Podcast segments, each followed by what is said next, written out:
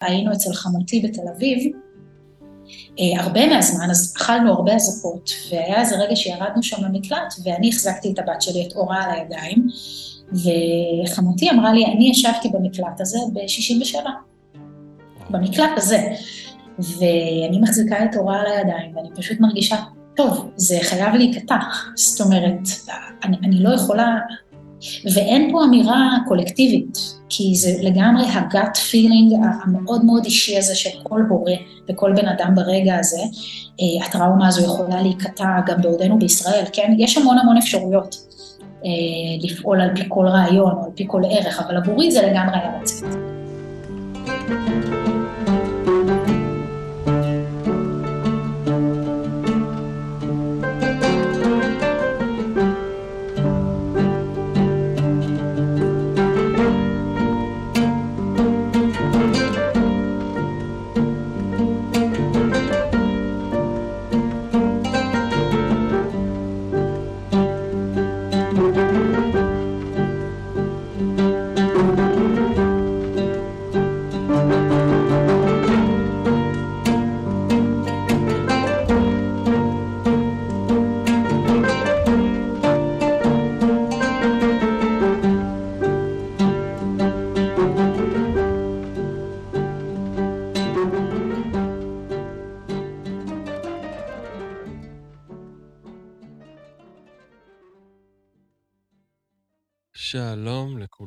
לכולן ברוכים הבאים לפרק נוסף של הפודקאסט סינפסות.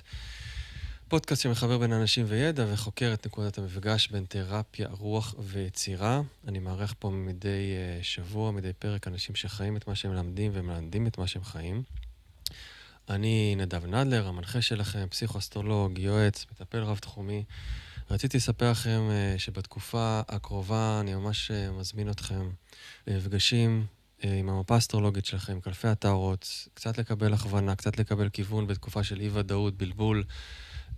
זה כלים שלי תמיד עזרו בחיים שלי ונתנו לי איזשהו קרקע בתקופות כאלה מבלבלות. טיפה לראות מאיפה באנו, לאן אנחנו הולכים, מה הכוחות מבקשים מאיתנו. אז אתם ממש ממש מוזמנים באהבה ובחום. מי שיש לו התלבטות לגבי עניינים כלכליים וכן הלאה, פשוט שידבר איתי. אני ממשיך בסדרה שלי היום, סדרה שקשורה למצב שבו אנחנו נמצאים. אני מדבר עם אנשי רוח, עם מטפלים, עם כל מי שיכול בעצם לתת איזושהי פרספקטיבה רגשית, רוחנית, לגבי המצב שאנחנו נמצאים בו, מצב לא פשוט, משבר קולקטיבי, משבר אישי, בכל התחומים האפשריים. וקצת לשפוך אור על התמונה הזאת במעט שאני יכול לעשות כאן בפלטפורמה שלי, בפורמט שלי. והיום אני מערך את הדר כהני. אהלן, הדר. היי.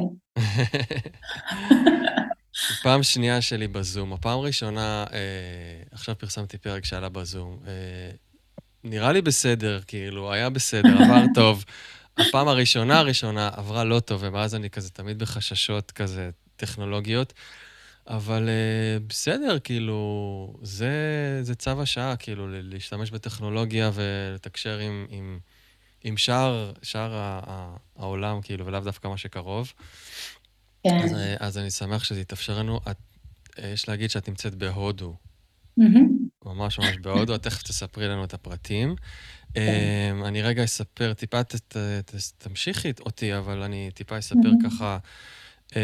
על הטייטלים שלך, חוקרת, מורה, מלווה, מלמדת פילוסופיה של יוגה ובודהיזם ומלווה תהליכי התפתחות, נכון? כן, לגמרי. עד כאן, נכון. עד כאן. כן. וחזרת לבייס שלך, להום בייס, שזה הודו. סוג של, כן, כן. כן, אני צוחקת על זה שהמערכת עצבים שלי עובדת ב-fight, flight, freeze, India. אז זה לגמרי... זה מעולה. כן, זה נתיב שהוא מאוד פתוח, וכן, לגמרי הלכתי עליו הפעם. אני חושב שזה צריך להיות הכרטיס ביקור שלך. כאילו, מטפלת בטראומה, כאילו מבינים, טה-טה-טה-טה, אינדיה. כן. אז ככה, אני, הטריגר שלי, כאילו, אני חשבתי כזה לפני, כזה קצת לפנות אלייך, ונדבר על יוגה ובודהיזם וכן הלאה, ואז יש לי כזה רשימה של אנשים בראש שאני... חשבתי כמובן לראיין, ובפודקאסט אני כל הזמן, אה, אני צייד, אה, צייד אה, כישרונות של אנשי רוח ותרפיסטים, זה מה שאני עושה, בין היתר. אז, ואז התחילה המלחמה, ו, וכאילו אמרתי, טוב, אי אפשר לדבר על דברים במובן הרגיל של המילה, במיוחד. ו, וראיתי איזה פוסט שלך, וכאילו, ממש כזה תפס אותי בבטן חזק, ו... היה לי צמרמורות, ונראה לי של, של עוד הרבה אנשים שקראו אותו, על כל המהלך שלך, שלך ושל המשפחה שלך, מהרגע שבו קרה אסון ו- ונחת עליך, אפרופו fight, flight, freeze, את, תספרי את זה, תרחיבי במילים שלך מה, מה חווית. ואז ההחלטה לנסוע להודו די מהרגע להרגע, זאת אומרת, זה קרה מה, תוך פחות משבוע, לא, לא, כמה ימים. כן, כן, השארנו כלים בכיור, כאילו, וואו, ברמה הזאת, ממש. כן. כן. ואני רוצה להתחיל בלקרוא פסקה מהפוסט הזה. אני, אני שולח. אתכם, המאזינים, מאזינות, אחרי הפרק, אה, או כן, פשוט ללכת ולקרוא בכלל הפוסטים של אה, הדר כזה מאוד מעניינים. אה, גם משלבים את האישי וגם את הרוחני, את, מביאה את, את הכובע הזה של הפילוסופיה, אז באמת באמת אה, כדאי ושווה. אמ, אני רגע הולך לפסקה שרציתי. כאילו, כואב לי לדלג על, על, על, ה, על ההתחלה שמתחילה בעירומה, נקודה. כן, אני אקרא רק את זה. מאז השביעי באוקטובר חוזר לי בחלומות מצב שבו אני סובב את עירומה. זה לא חלום העירום הקלאסי, רווי הבושה, שפ... שבו פתאום אני קולטת שאני עירומה בכיתה בבית ספר, או באמצע נאום חשוב מול אנשים. נדלג קצת, אלא מצב שבו אני חי את חיי, כל פעם ברגע אחר, אותו דבר, פשוט בעירום. אמ, הבית, היסודות, האמונות, ההדחקות העמוקות שלהם מתבסס, הבית שהתפוצצו לנו בפנים, בצורה הכי מחרידה שניתן לדמיין. בצורה הכי מחרידה שאף אחד אפילו לא יכול לדמיין. אני מדלג אה, אה, לאיזושהי פסקה אה, שבעיניי היא ככה המסר המהותי שתפס אותי. החוויה שלי של בוקר השביעי, אומרים באוקטובר? שבעה באוקטובר? שבעה באוקטובר נראה לי. כל כך קטנה, כל כך מתונה. יומיומית עבור רבים שחיים בעוטף עזה 365 ימים בשנה, ומתגמדת עד האין סוף ביחס לזוועות שחוו אנשים אחרים באותו בוקר, ועדיין אני לא מוכנה לחיות ככה. אני לא מוכנה שהבת שלי תחיה ככה, והנה יש לי שוב פעם צמרמורת. ואני מרגישה שחשוב לי להשמיע את הקול הזה, קול שמתקשה להתנסח בתוך מערבולת הטראומה הישראלית, שתמיד אומרת שצריך לסבול בשקט, כי יש אנשים שסובלים יותר, שתמיד אומרת שאין לנו ארץ אחרת. שעדיין מנסחת את התוצאות של הזוועה המתמשכת הזו במונחים של ניצחון לאחד הצדדים. אני נזכרת שהאחריות שלי, התפקיד שלי, הוא אך ורק להשמיע את הקול שלי. לחוות עד הסוף ובצורה הגולמית ביותר את חוויית ההווה שלי ולראות מה נובע ממנה. ולחיות בתוך ההתנסות העכשווית שלי ולא במה שהייתי מדמיינת שההתנסות שלי תהיה בתנאים האלה. הרגשתי שזה, קודם כל, אני ו- ורבים אחרים מכירים אנשים ש- ש- ש- שפשוט נסעו. ורובם אה, נמצאים עדיין בחו"ל, ממי שאני מכיר, וזה לא מעט, בקיבוץ שאני גר בו.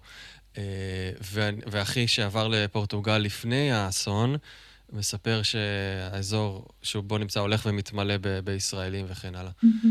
זו תופעה. זו תופעה, צריך לדבר עליה, צריך לתת לה מקום. אז, אז קודם כל, אני ממש אשמח ש, ש, לשמוע במילים שלך על החוויה הזאת, ו, ואיפה את עכשיו, ומה קורה איתך ואיתכם, ונמשיך משם. כן, אז, אז אני חושבת ממש כזה להתחבר ב, במשפט הזה שאמרת ש, שזו תופעה וצריך לדבר עליה וצריך לתת לה מקום, כי אני רואה המון המון בושה, אה, גם אצלי וגם בכלל סביב הדבר הזה. אה, לא נעים להגיד שאנחנו בחו"ל, אה, לא, לא נעים להגיד משהו אם אנחנו בחו"ל, כלומר כאילו שאין לנו איזו זכות או אה, להתבטא או להגיד או להתייחס כי נטשנו. Mm. אז, אז לגמרי זה פשוט מקום שמבקש אור, קודם כל. כי אני חושבת שבושה ואשמה הם שני מכשירים מאוד מאוד יעילים כדי לגרום לנו לא להקשיב לגוף שלנו. Mm-hmm. לא להקשיב למה שבאמת באמת קורה בתוכי, בגלל שזה אולי יגונה, אה, או יקבל ביקורת מאוד קשה, אה, או ישלול ממני כל מיני חירויות או זכויות או, או, או חלקים בזהות שלי שאני רגילה להסתובב איתם. כן. אז עצם האוורור של הדבר הזה, כן, האפשרות להגיד, כן, זה קורה, זה משהו שאנשים עושים. אה, יש אנשים שהגוף שלהם בתוך המציאות הזאת פשוט אמר להם לברוח, אפרופו fight, flight, freeze, mm. אה, וזה לגמרי לגיטימי. כן, זה לגמרי לגיטימי, זה לגמרי נכון מנקודת המבט של הבריאה, כן, לא מתוך נקודת המבט הצרה שלנו, שאנחנו עומדים ונותנים לעצמנו נקודות, אני צודקת או טועה, הוא צודק, הוא טועה, ככה זה נכון לפעול או לא ככה זה נכון לפעול. אולי יש להגיד נקודת מבט ביולוגית אפילו. לגמרי, בדיוק. כן. ממש, זה גם, יש לי מורה, אחת המורות היקרות שלי, יפעת פרס, תמיד אומרת שאנחנו הבעל חיים היחיד שנותן נקודות לתגובה ההישרדותית שלו. זאת אומרת, אתה לא רואה את הלטאה אחרי זה אומרת, וואי, איזה סתומה אני, איך ברחתי, או את האנטילופה אומרת, יואו, איזה מפגרת אני, למה קפאתי? זה פשוט מה שהגוף שלי עושה, מול איום. Mm. ורק לנו, ה mind שלנו נורא נורא מסבך אותנו שם, והמון פעמים בעצם מפריע לאינטואיציה שלנו לעשות את שלה, ברגעים מאוד מאוד הישרדותיים, ורגע הישרדותי הוא רגע שהוא הישרדותי בפרופורציה שלי. כן. זה מתחבר למה שבאמת כתבתי בפוסט, כי אנחנו יכולים גם להתבלבל ולהגיד, מה הישרדותי? זה שיורת לך טיל מעל הראש, זה הישרדותי, בחייאת, תסתכלי מה קרה לאנשים אחרים. אבל במושגים שלי... רק ישראלים יכולים כאילו להגיד כן. כזה.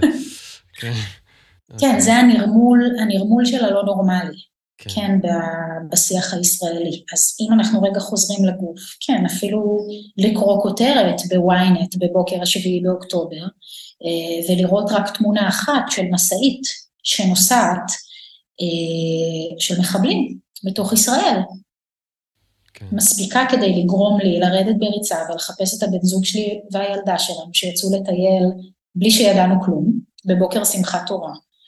ורק לדמיין איך הם בגן שעשועים, ואותה המשאית יכולה לעבור שם ולעשות את הדברים הנוראים שהיא עשתה.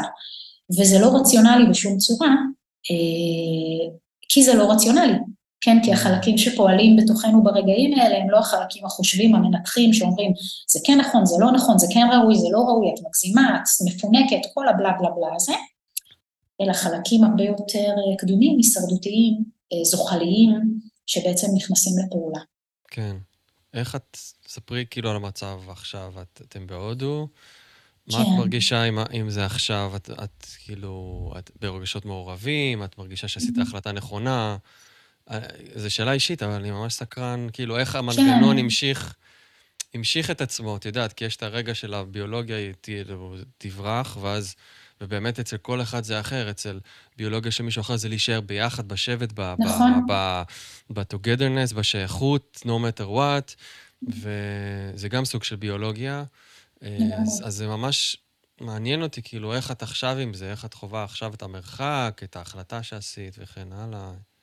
כן, זו שאלה מן הסתם שיש לה כל מיני תשובות. כן, זה, זה כן. משתנה. אני, אני חייבת להגיד ש...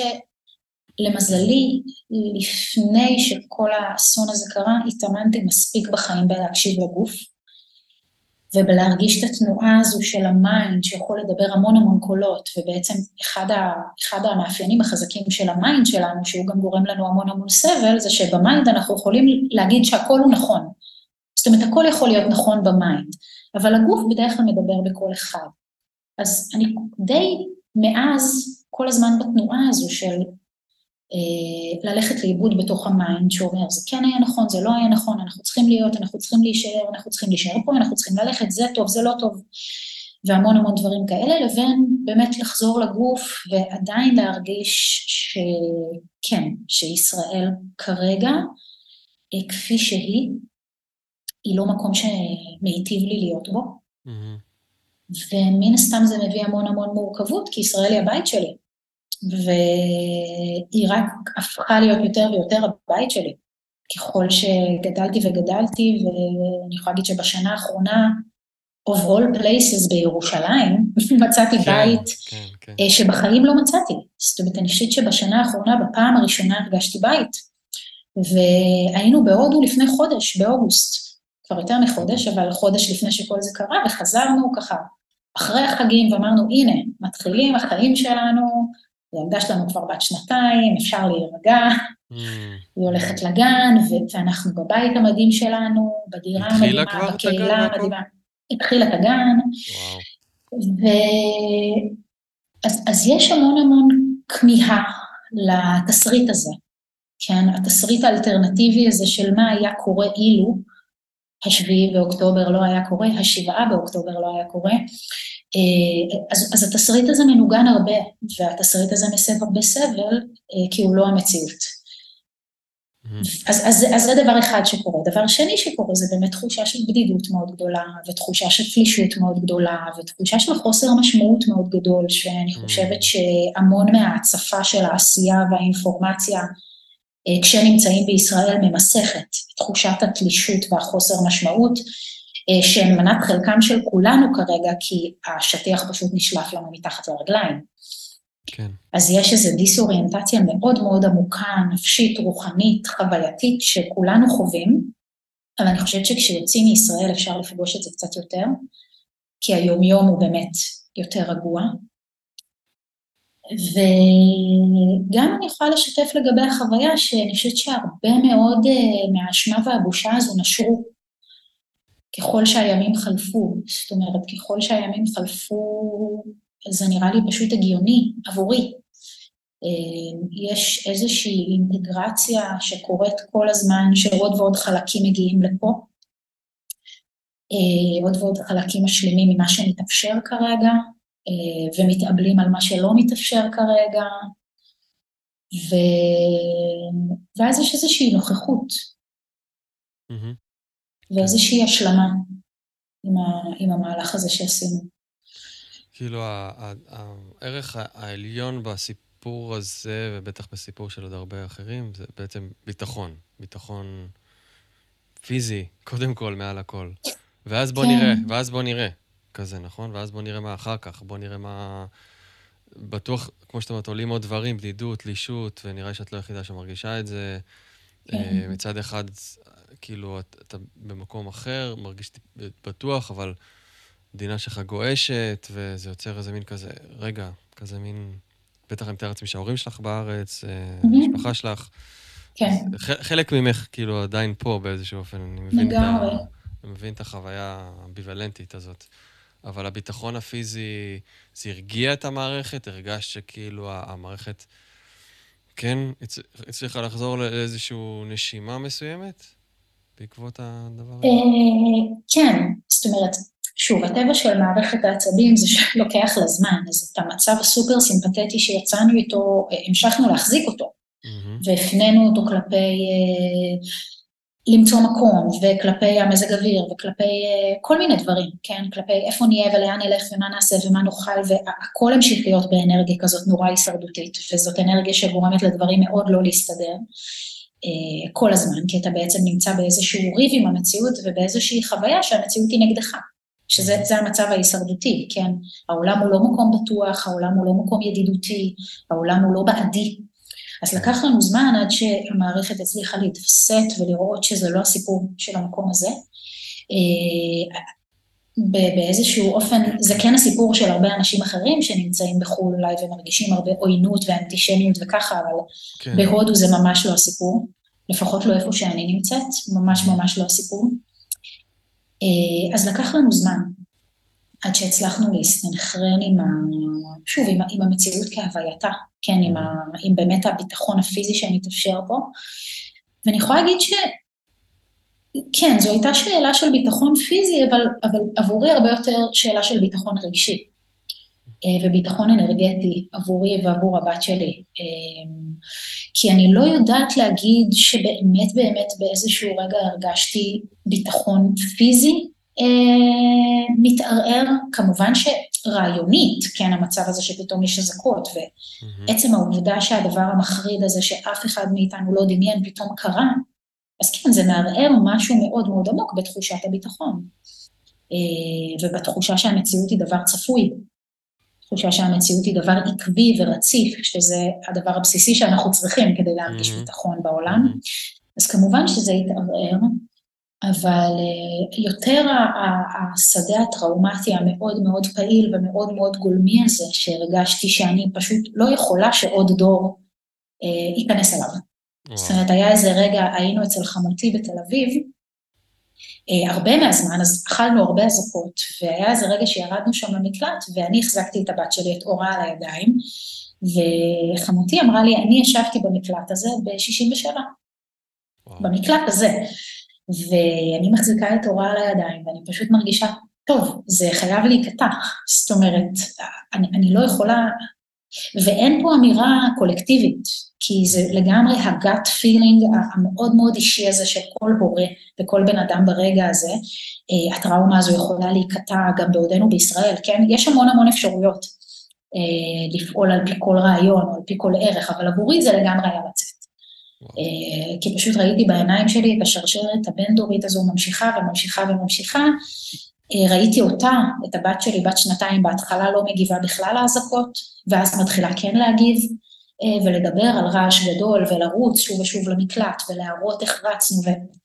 ופשוט ראיתי את החריצים האלה מתחילים להיחרץ אצלה בנפש, וראיתי שזה עוד לא, עוד לא עמוק. זאת אומרת, אם נצא זה עוד יכול אה, ללכת אחורה, כן, אפשר להפוך את התהליך הזה. והרגשתי שזה פשוט הדבר הכי חשוב לי. וואו.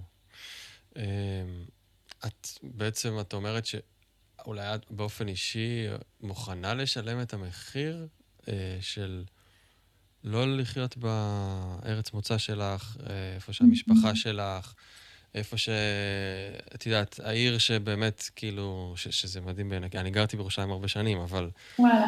אבל היום, כאילו, היית שם אותי שם, זה התקף חרדה במקום. אז כאילו, זה מדהים אותי ש...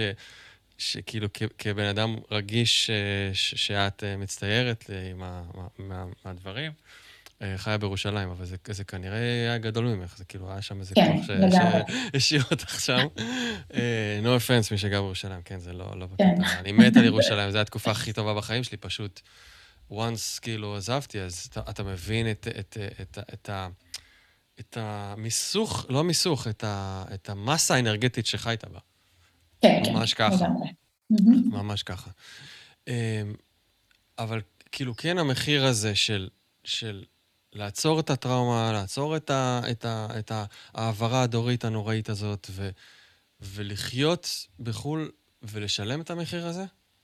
את חושבת שזה יותר, כאילו, ב, ב, ב, בסדר עדיפויות, מה יותר, כאילו... כן. כי, רוב האנשים שחיים פה, אני לא יודע אם זה במודע או לא, בוחרים mm-hmm. לספוג את הטראומה, ולו נכון. לטובת השייכות הקולקטיבית והקרבה לאהובים. נכון. אני חושב שזו שאלה קיומית אפילו, אני, לא יודע, כאילו, אני חווה... לגמרי, כן. לגמרי. זאת ממש שאלה קיומית, ואני חושבת שאני עוד לא יודעת לענות על זה, כי כן. המערכת שלי עדיין לא ממש בלהיות יכולה לחשוב לטווח רחוק. זאת אומרת, זה כן השתפר, ברגע הראשון, בשבועות הראשונים הרגשתי שאני לא יכולה לחשוב אפילו שעה קדימה, אבל לאט לאט זה כן מתחיל להיפתח,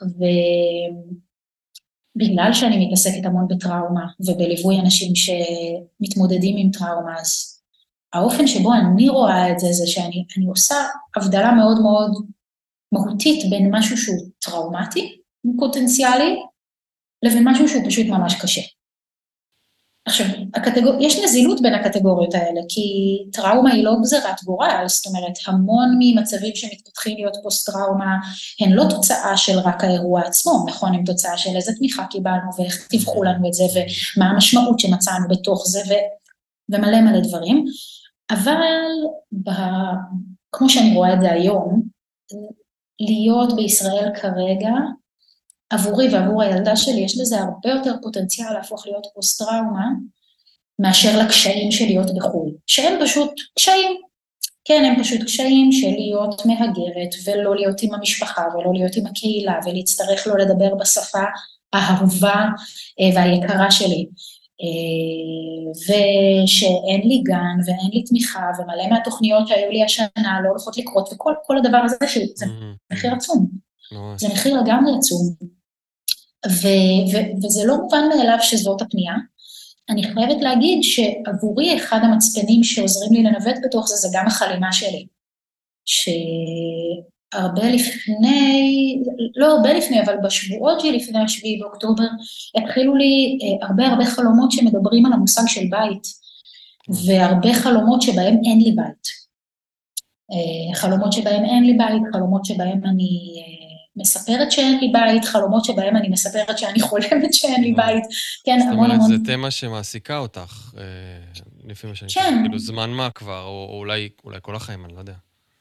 כן, ו- וכשהחלומות האלה התחילו לפני השביעי באוקטובר, אמרתי כאילו, מה, מה זה אומר? זאת אומרת, אני דווקא הכי מרגישה בית שאי פעם הרגשתי, וברגע שהגיע השביעי באוקטובר, השבעה, וברגע שהייתה לי את כל החוויה הזו של לצאת מישראל, אז פתאום הבנתי, אה, זה הסיפור האישי שלי כאן. הסיפור האישי שלי הוא עזיבה של הבית. וכל פעם שאני מתחילה באמת לשאול את עצמי את השאלה הזו, שהתשובה עליה היא באמת לא מובנת מאליה, אה, אז אני מזכירה לעצמי, אבל, אבל זאת כמו החובה שלך כאן, או זאת כמו ההתנסות שלך עכשיו, והחלימה מאוד הראתה את זה.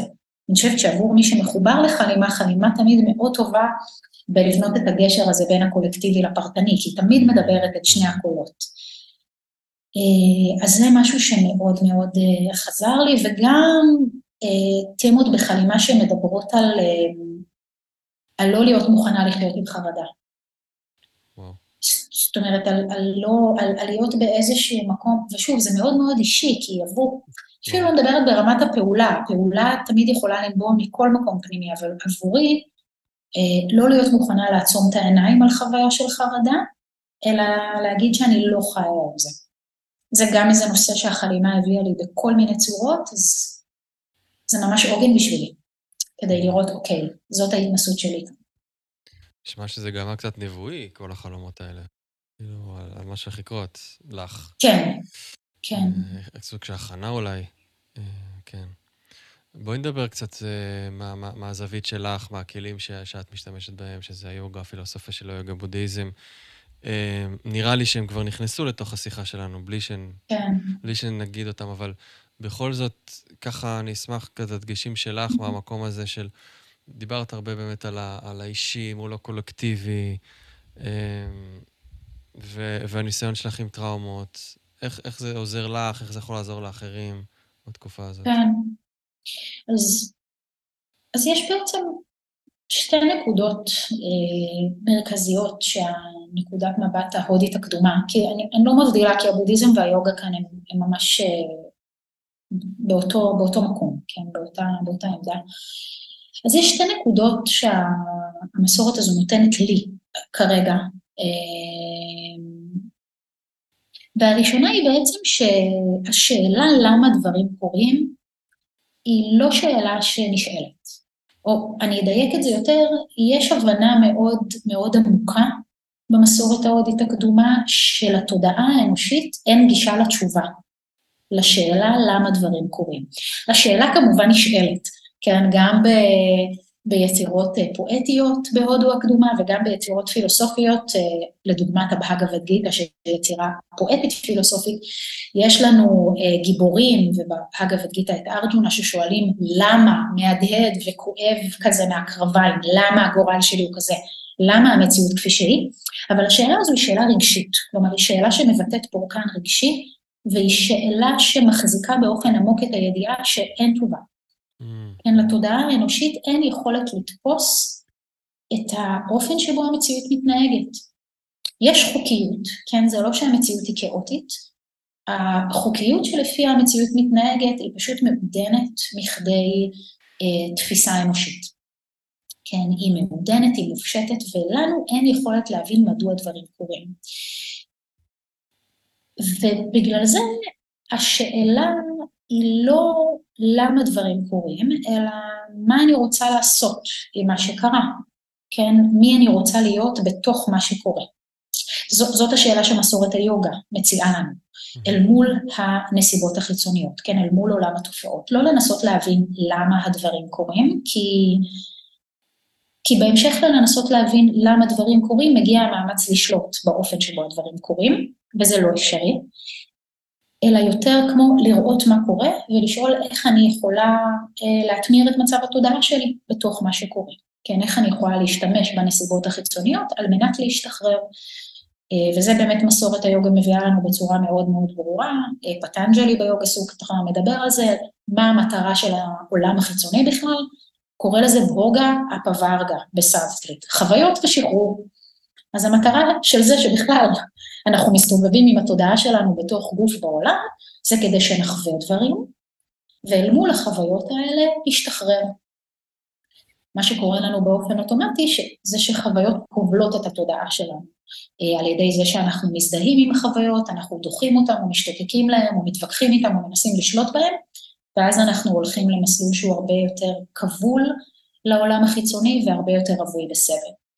אז זה, זה דבר ראשון, כלומר השאלה היא מי אני רוצה להיות אל מול מה שקורה, ולא למה מה שקורה קורה, ואיך אני יכולה לשנות את מה שקורה, ואיך מה שקורה היה יכול לא לקרות. אלה שאלות שמבחינת מסורת היוגה הן סבל. Mm. אלא איך אני יכולה להשתמש במה שקורה כדי להתפתח, כן, כדי להשתחרר מהדפוסים המייסרים ומסבי הסבל, שבאופן אוטומטי בדרך כלל משתלטים על התודעה שלי.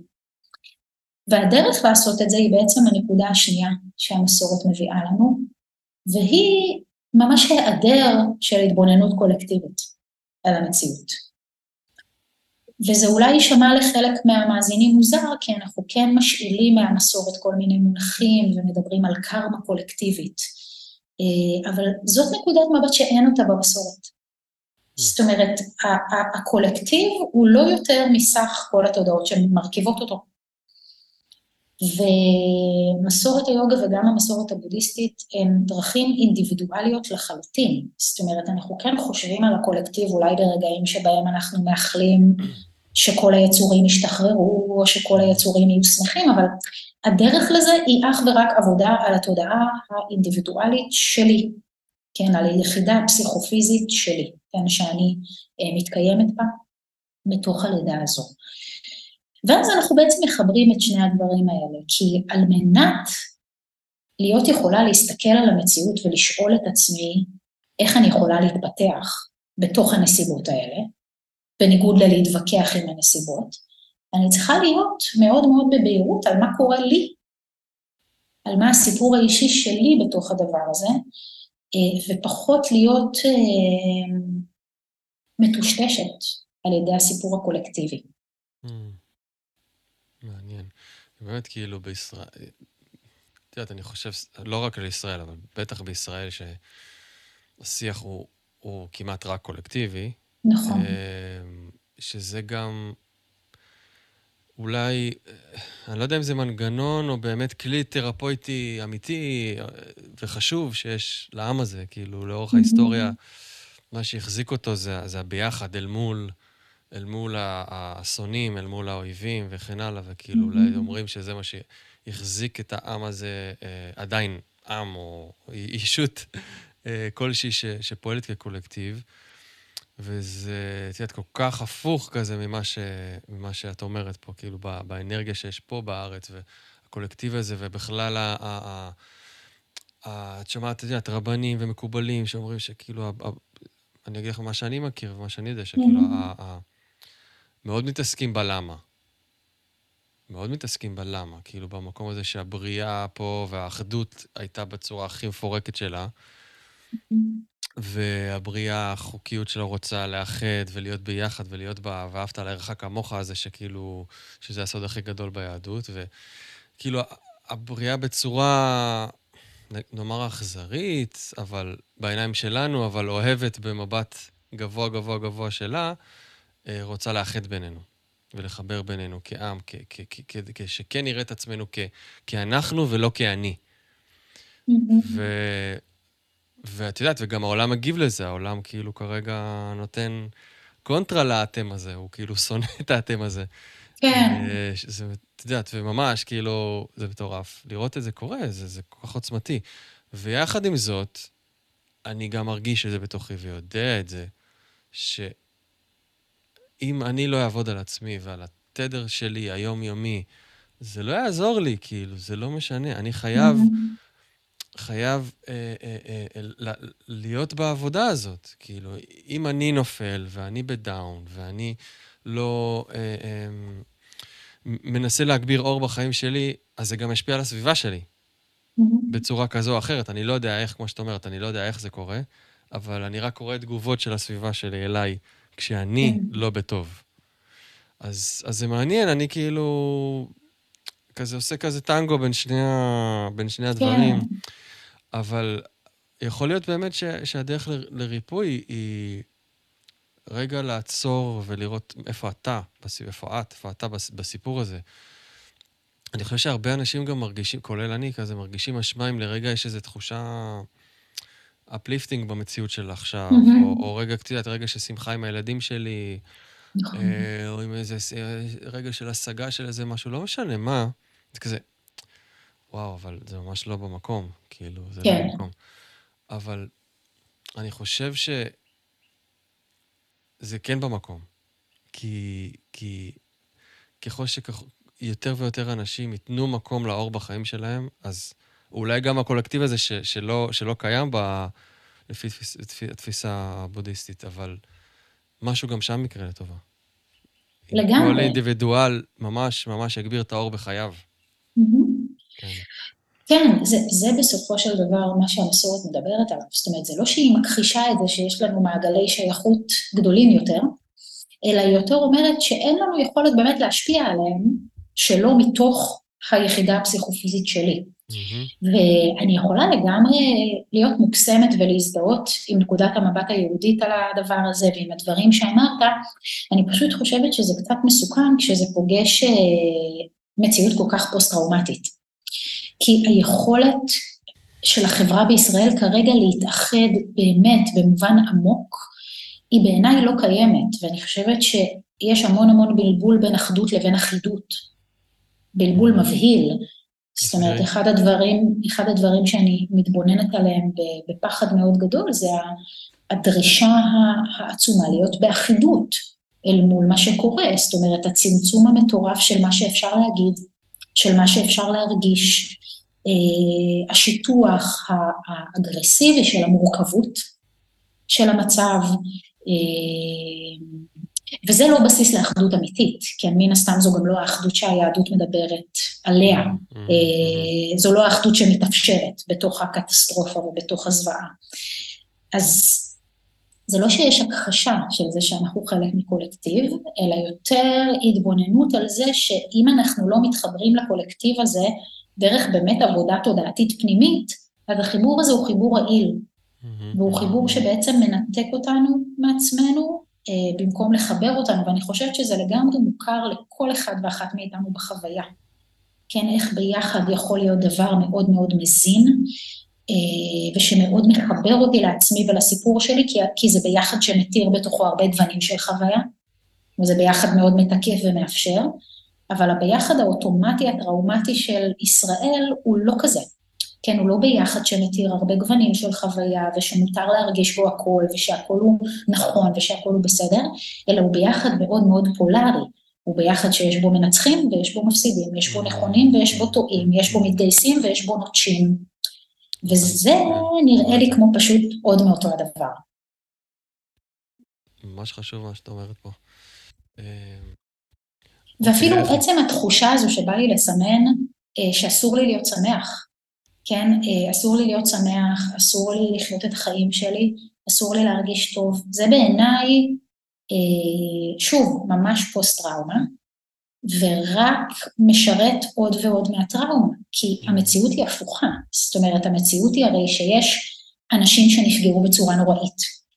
והם במצב הישרדותי מאוד מאוד קשה, הם לא יכולים כרגע, חלקם כן, אוקיי, לחלקם דווקא זה מעלה אותם בפרספקטיבה סופר רחבה וסופר אה, כזאת אה, גבוהה, אבל בכללי מצב הישרדותי עושה אותנו מאוד כזה fight, flight, freeze, אנחנו לא חושבים על שום דבר ולא רואים שום מורכבות, אז זה, זה הטיקט שלהם, אוקיי, של מי שממש בקו הראשון של הדבר הזה, mm. אבל דווקא מי שלא, כן, דווקא מי שמתאפשרת לו שמחה ומתאפשרת לו נחת, זו החובה שלנו לחוות את זה, כי אז אנחנו מחזיקים חלק שפוי. כן, אנחנו מחזיקים בית לאנשים האלה שנפגעו בצורה כל כך אנושה, שאליו הם יוכלו לחזור.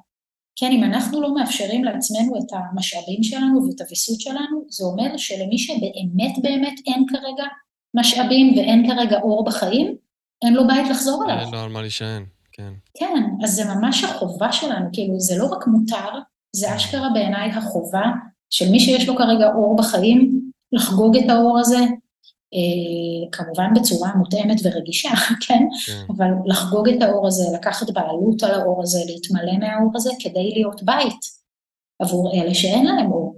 וכל אחד ואחת מאיתנו זקוקים לתנאים אחרים כדי להיות יכולים להחזיק את האור. וואו, כן. בדיוק דיברתי עם חברה ואמרתי שאני מרגיש שה... זה, זה, זה התפקיד שלו בעצם. Mm-hmm. שכל אחד אה, אה, יגביר טיפה את האור בחיים שלו, וייתן, ייתן, כאילו, אה, אה, וזה שולח את האנרגיה הנכונה למי שנמצא בחזית, נלחם, mm-hmm. מי שקרו לו דברים נוראים, וזה כאילו, זה כזה שולח לו כזה מין כמו, את יודעת, כמו, כמו כזה קיר אנרגטי חיובי שהוא יכול רגע אולי להישען עליו. אה, ואם העורף כאילו יהיה בהתמוטטות ובמקום אה, כזה, אז, אז, אז באמת אה, קריסה, אני חושב. אני לא יודע אם אפשר לקום מדבר כזה, את יודעת, זה, זה חייב להיות כזה, ובחרת בחיים, את יודעת, כזה. Mm-hmm. כן. לגמרי. ואגב, גם מסורת היוגה והבודהיזם מן הסתם מחזיקים רעיונות כמו אי פגיעה ושלום ואהבת לרעך כמוך וכל הדברים האלה, השאלה היא לא הערכים, אלא באמת יותר האסטרטגיה. Mm-hmm. זאת אומרת, אין אפשרות לשלוט על העולם ולהפוך אותו לכזה, שאין בו פגיעה, או שאין בו אה, פיצול, או שאין בו את כל הדברים שאנחנו רוצים אה, להתרומם מהם, אלא יש אפשרות רק לייצר עולם פנימי כזה. וכשהעולם הפנימי שלי כזה, אז העולם החיצוני הופך להיות כזה, כי המציאות היא מציאות הכרתית, כן, המציאות שלי היא המציאות שאני תופסת מתוך ההכרה שלי. אה, וזה גם ככה, אל מול המון שאלות מאוד גדולות של מה אני יכולה לעשות ומה אני צריכה לעשות, אה, זה, זה הדבר הראשון שאנחנו חייבים וצריכים לעשות.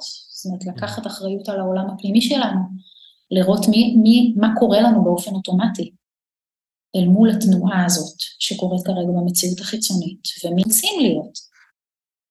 כן, אני רוצה להיות מול הדבר הזה שקורה. היה לי עצירה רגע בהקלטה. אוקיי. אמ, איזה, מה אנחנו יכולים לתת איזשהו כלים לאנשים שמקשיבים עכשיו בבית ורוצים להרגיש את מה שאת אומרת, ורוצים להתחבר לעצמם mm-hmm. יותר, אז מה, מה, מה הם יכולים לעשות ב, לפי התפיסה שלך?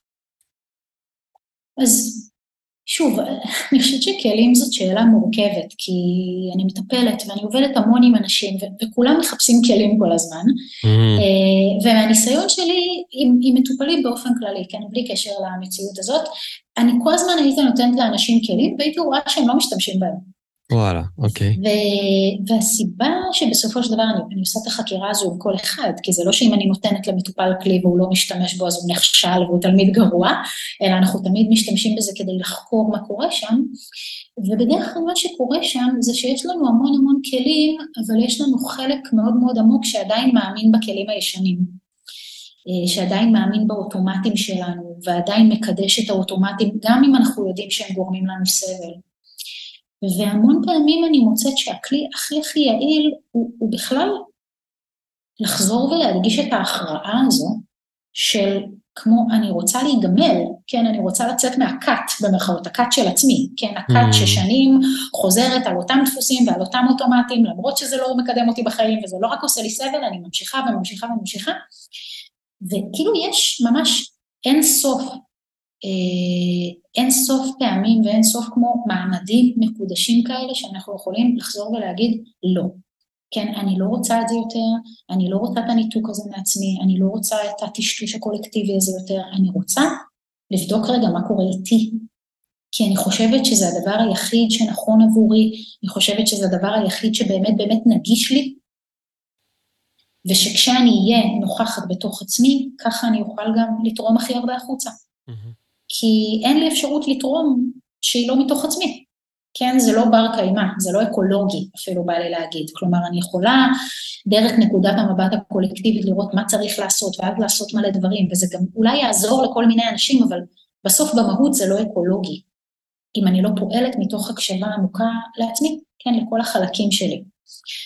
אז הכלי הכי חשוב הוא קודם כל לבחור בזה, לא כולם מסכימים עם זה. יש כאלה שיגידו, מה פתאום זה שטויות ולהקשיב לעצמי זה פריבילגיה ואנחנו רק צריכים לעשות מה שאומרים לנו וזה, וזה בסדר גמור, זאת אומרת, מי שרוצה להמשיך ולקדש את האמצעים האלה, אז uh, זה מעולה.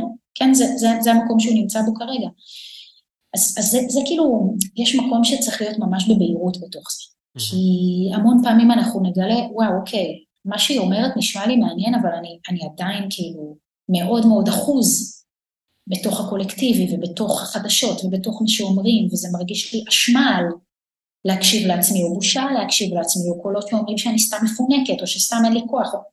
ואז הצעד הבא הוא פשוט להקשיב לקולות האלה, כן, ולהיות איתם ולפגוש אותם כחלקים פנימיים, ששוב, ראויים לאור, אה, וראויים להקשבה, ושנושאים אמת עמוקה שמבקשת התבוננות והתמרה.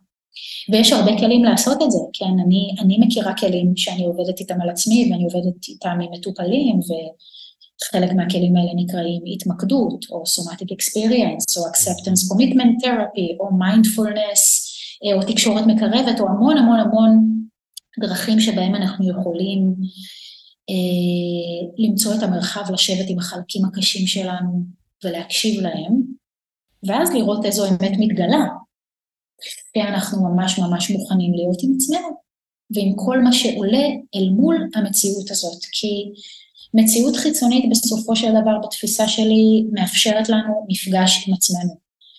אה, ודרושה לשם כך מוכנות לפגוש את עצמנו, לפגוש את עצמנו כפי שאנחנו, לא כפי שהיינו רוצים להיות, לא כפי שהיינו מדמיינים שנהיה, אני עם כל ההכשרות שלי וכל הטייטלים שלי הייתי מדמיינת את עצמי במצב כזה, הראשונה להתנדב ולטפל ולקבל מטופלים וללכת לים המלח ולהיות במלונות ו... והנה מצאתי את עצמי בסיטואציה הזאת עם ילדה בת שנתיים, עם כל מיני דברים אחרים בחיים שלי שלא מאפשרים לי לחיות עם הפנטזיה, כן, לחיות עם, ה... עם הברור של המציאות. אז ה... היכולת לקבל את זה ולהבין, רגע, מה באמת מתאפשר לי כאן? כאילו הסיפור שלי בכלל של הזוועה הזו הוא להתמודד עם זה שאני אימא במשרה מלאה פתאום. וכל מיני דברים שהסיפור הקולקטיבי לגמרי לא מאפשר גישה אליהם. אז זה כאילו, הכלי הראשון הוא קודם כל המוכנות לנטוש את ההרגלי וללכת לטריטוריה לא ידועה. ואז בתוך זה יש המון המון, אה, המון טכניקות, כן, כן. המון טכניקות ש, שזמינות. אני אגיד באיזשהו, זאת אומרת, משהו כזה פרקטי ש... שלי עזר זה, זה, זה להתנתק משצף המידע והאינפורמציה. אה, יש כאלה שימננו את זה, זה יותר נכון להם, זאת אומרת, אי אפשר להתנתק לגמרי, זה גם בסדר, אבל להיות כל הזמן בשטף, זאת אומרת, בימים הראשונים אני לא הייתי, לא הייתי, כאילו פתאום קלטתי שאני נכנס ל... לשדה הטראומה, ויש לי, את יודעת, שני ילדים קטנים בבית, אני לא יכול, לא יכול להיות על הספה בזומבי, את יודעת, ו, וכאילו כן. להישאב לדבר הזה, וגם רק הדמיון, אני לא צריך אפילו את, ה, את, ה, את הנראות של המדיה. הדמיון שלי כבר עובד שעות נוספות, ומולו אני צריך להילחם כבר ב, בתוך עצמי. אז, אז על אחת כמה וכמה, אם מדובר באנשים רגישים, אז, אז ממש ממש ממש תעשו לעצמכם טובה ענקית. זה, זה, הנה עוד פעם האשמה הזאת, אם אני לא אהיה מחובר, אז, אז אני לא ארגיש כאילו את הכאב שלה. הכאב הוא everywhere, הוא בכל מקום. לגמרי. Uh, ואם אתם רגישים מספיק, אז אתם עם זה.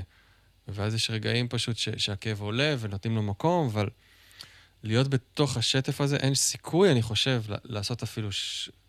קצת ממה שאמרת. לפי דעתי, ככה אני רואה את זה בתוך עצמי, בניסיון שלי. אז לגמרי. זה כאילו הדבר הקטן, הפרקטי, שאני יכול אולי להוסיף. אמ, כן, אני, אני חושבת שגם אה, בכלל אין אפשרות באמת לחוש כאב כשאנחנו בתוך הרצף המטורף של האינפורמציה, כי, כי זה פשוט מוביל לניתוק. זה לגמרי לוקח אותנו לנדנדה הזו של הצפה וניתוק. כן. כן, הצפה וניתוק, הצפה וניתוק, הצפה וניתוק. ו... וכן, זאת אומרת, זה, זה לגמרי מתחבר למה שדיברנו עליו קודם, כי אם אני כל הזמן ברצף של הקולקטיבי, כן, ברצף של החדשות, אני בעצם חיה במציאות שהיא לא המציאות המיידית שלי. כן, יש מעט מאוד אנשים שהמציאות המיידית שלהם היא המציאות של החדשות. Mm-hmm. עכשיו, אנחנו רק צריכים לדעת מה המצב. אנחנו צריכים לדעת מה המצב, זה צורך הישרדותי שיש לנו, אבל לראות סרטונים ולקרוא זוועות, זה לא עוזר לאף אחד. זה איזשהו משהו, שוב, אוטומטי שהתודעה שלנו עושה המון פעמים אה, בתוך חוסר אונים. כאילו כשאנחנו חווים חוסר אונים מאוד מאוד עמוק, התודעה שלנו עושה משהו כמו, היא אומרת, אוקיי, אז לפחות אני לא אפסיק לחשוב על זה. וזה עוזר לנו כאילו לרכוש מחדש איזושהי תחושה של מסוגלות, אבל זו המסוגלות כאילו הכי אפקטיבית בעולם. כאילו שליטה. כן, בדיוק. כן. כאילו אם אני לא אפסיק לחשוב על זה, אז יש לי איזושהי שליטה, וזה פרדוקסלי זה, לחלוטין. זה מה שאמרתי, זה שאני לא שם, אבל הדמיון שלי הוא כל הזמן. אני, בדיוק. אני נלחם בדמיון שלי ובזוועות, את יודעת, אני... אלוהים ישמור. אז גם את זה אני צריך... כן. לא, כאילו, כזה. זה, זה מעניין, לא חשבתי על זה, זה כאילו שליטה על, על, על מה קורה בתוכך שאתה... הדמיון לפעמים יותר גרוע אולי, אני לא יודע. נכון, אה, לגמרי. והאמת שאם כבר בהקשר הזה, אז גם עולה לי עוד משהו פרקטי שאפשר להגיד שאני רואה מתוך האנשים שאני מלווה, זה שהמון מהדברים שאנחנו בדרך כלל רגילים באמצעותם לתמוך בעצמנו, אה, אנחנו עושים מדיטציה ואנחנו עושים יוגה ואנחנו אוכלים נורא בריא וכל מיני דברים כאלה, הם דורשים המון המון אנרגיה. כן, להיות באורח חיים של תרגול ושל החזקה ושל שמירה על התזונה שלי וזה, זה דורש המון אנרגיה, ולהרבה מאיתנו ממש אין אנרגיה עכשיו. אז יש אה, משמעות מאוד גדולה ללעצור ולהקשיב באמת באמת למה הגוף שלי מבקש ממני כרגע. אה, עבור הרבה מאיתנו זה לא מדיטציה וזה לא יוגה וזה לא בהכרח לאכול את הכי בריא שלי, אה, אז, אז להיות יכולים לפתוח את האוזניים לבקשות של תמיכה מהגוף נפש, שהם לא הדברים הכי טובים, הכי בריאים במרכאות כפולות הרגילים שלי, זה יכול להיות לישון הרבה, לנוח הרבה. המערכת עצבים של כולנו היא בשחיקה מטורפת. אה, בטח עבור הורים שפשוט עובדים שעות נוספות בלי שהם עושים כלום במרכאות, כדי רק להחזיק את האנרגיה בבית ולשמור על התודעות הטהורות והרכות של הילדים. אז כן, אז, לא לצפות מאיתנו עכשיו להיות uh, הבודהיסטים הכי בודהיסטים והיוגים הכי יוגים והטבעונים הכי טבעונים בריאים בעולם. Uh, וכן, ולקחת בחשבון שיכול להיות ש... שכוס קפה או כוס יין או ללכת לישון uh, או לעשות דברים שהם כאילו לא העצמי הכי הכי גבוה שלי, כמובן במידה, הם לגמרי כרגע משאבים מאוד מאוד משמעותיים בשביל המערכת להתווסת. וכמובן להיות ביחד, כן, להיות ביחד עם הבני בנות זוג שלנו, להיות ביחד עם הילדים שלנו, להיות ביחד עם החברים, עם הקהילה, למי שיש, זה ההזנה הכי הכי משמעותית. אז כן, להיות פתוחים לגמישות בדרכים שבהם אנחנו תומכים ותומכות בעצמנו עכשיו, זה נראה לי מאוד מאוד חשוב. וואו, ממש חשוב מה שאמרת. אמ, ככה, אנחנו לקראת סיום. בא לי לשאול אותך, פשוט, מה את מאחלת לעצמך? זו שאלה קצת טיפשית, אבל תמימה אולי לשאול בשלב הזה, אני לא יודע, ואני יודע שכאילו, אין לך מושג לאן המרכבה הזאת הולכת, אבל מה את מאחלת לעצמך, או, או, או לכולנו, מי שמקשיב? אה, זה מה, זה מה שעלה לי.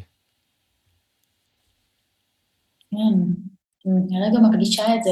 כן, כן. וואו, אני, אני מאחלת לעצמי הרבה גמישות. כן, מה שאני מאחלת לעצמי זה לכולם, כן, זה לגמרי אחד מבחינתי. אמ, להיות יכולה ממש למצוא מקום מאוד מאוד עמוק של גמישות בתוכי, ושל הקשבה מאוד עמוקה למה שמתגלה ומתאפשר, בתוך המציאות הזאת. זאת אומרת, זה, זה בעיניי אולי השאלה מה זה גמישות, אז זה זה.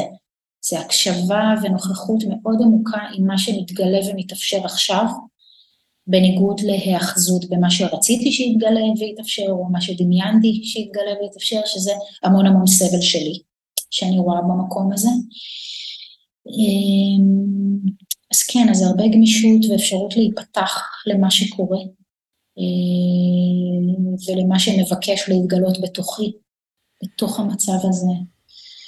ו, ומתוך זה, זאת אומרת, זה כבר מרגיש לי כמעט קלישאתי להגיד את זה, אבל, אבל כשאתה נהיה הורה, אתה מגלה שכל הקלישאות הנכונות, אז אני מרשה לעצמי להיות קלישאתית, ו, ופשוט לדבר על הרבה הודיה,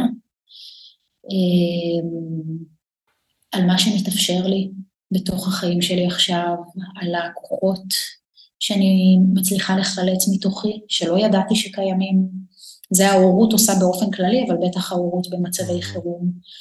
אה, ולהיות יכולה ממש להתמלא מזה, כי עוד דבר שאני רואה שקורה לי ולעוד הרבה אנשים, זה שאנחנו לא מצליחים להתמלא מהדברים שקורים, כי אנחנו כל הזמן עסוקים באיזה משהו אחר.